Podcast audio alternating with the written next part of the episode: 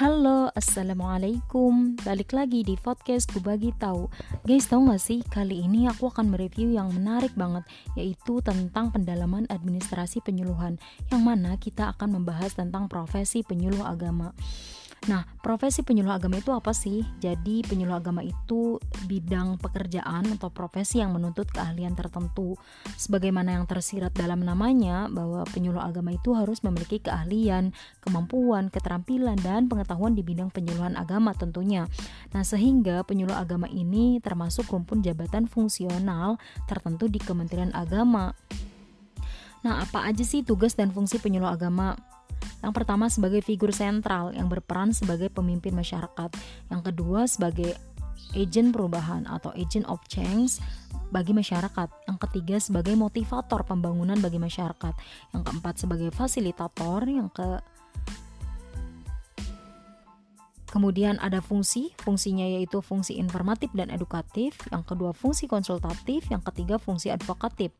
Nah, kompetensi penyuluh agama yang pertama proses aksi sosial, keanekaragaman budaya, memprograman bidang pendidikan, perikatan, penyampaian pendidikan dan informasi, hubungan antara pribadi, pengetahuan tentang organisasi, kepemimpinan, pengelolaan organisasi, dan profesionalisme. Kemudian etika profesi penyuluh agama yang pertama bersifat rohaniah, yaitu sifat-sifat seorang penyuluh agama Islam, sikap seorang penyuluh agama Islam berpengetahuan yang cukup. Nah, yang kedua sifat jasmaniah, sifat jasmani dan berpakaian necis. Kemudian administrasi penyuluhan agama. Secara etimologis, istilah administrasi berasal dari bahasa Inggris dari kata administ administration yang bentuk infinitifnya adalah administer.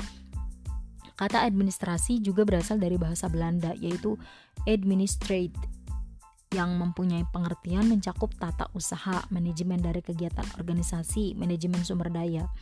Nah, kalau pengertian penyuluh, penyuluhan adalah proses perubahan perilaku di kalangan masyarakat agar mereka tahu, mau dan juga mampu melakukan perubahan demi tercapainya peningkatan produksi, pendapatan atau keuntungan dan perbaikan kesejahteraan. Kalau pengertian agama banyak ahli yang menyebutkan agama berasal dari bahasa Sangsakerta yaitu a yang berarti tidak dan gama yang berarti kacau. Maka kalau kita ambil kesimpulan agama berarti tidak kacau atau teratur. Dengan demikian agama itu adalah peraturan, yang peraturan yang mengatur keadaan manusia maupun mengenai sesuatu yang goib, mengenai budi pekerti dan pergaulan hidup bersama. Nah, itu dia yang bisa aku review pada materi pedalaman administrasi penyuluhan. Lagi-lagi aku berdoa semoga bermanfaat. Bye bye. Wassalamualaikum warahmatullahi wabarakatuh.